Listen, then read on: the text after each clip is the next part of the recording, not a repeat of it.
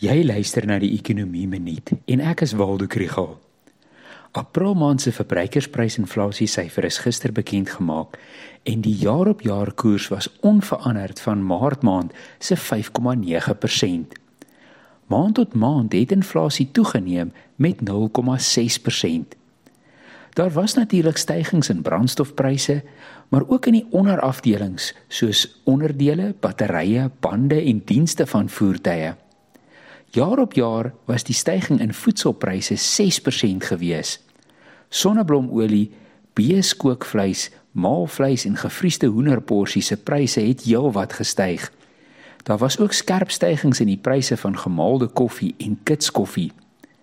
Dit is interessant, maar wat beteken dit vir die groot prentjie vir vandag se repo koersbesluit?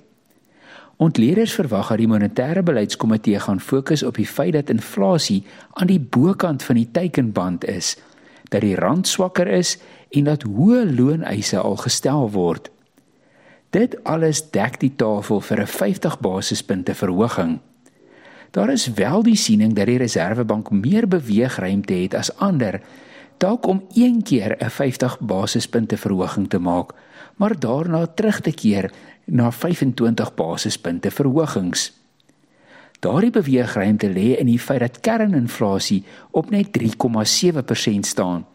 Diensteinflasie is 3,5% en vir geadministreerde pryse is dit 4,3%. Dit is nodig dat die Reserwebank wys dat hulle sal doen wat nodig is om lae en stabiele inflasie te verseker. Maar hulle hoef nie die rem vir te lank te hard te trap nie.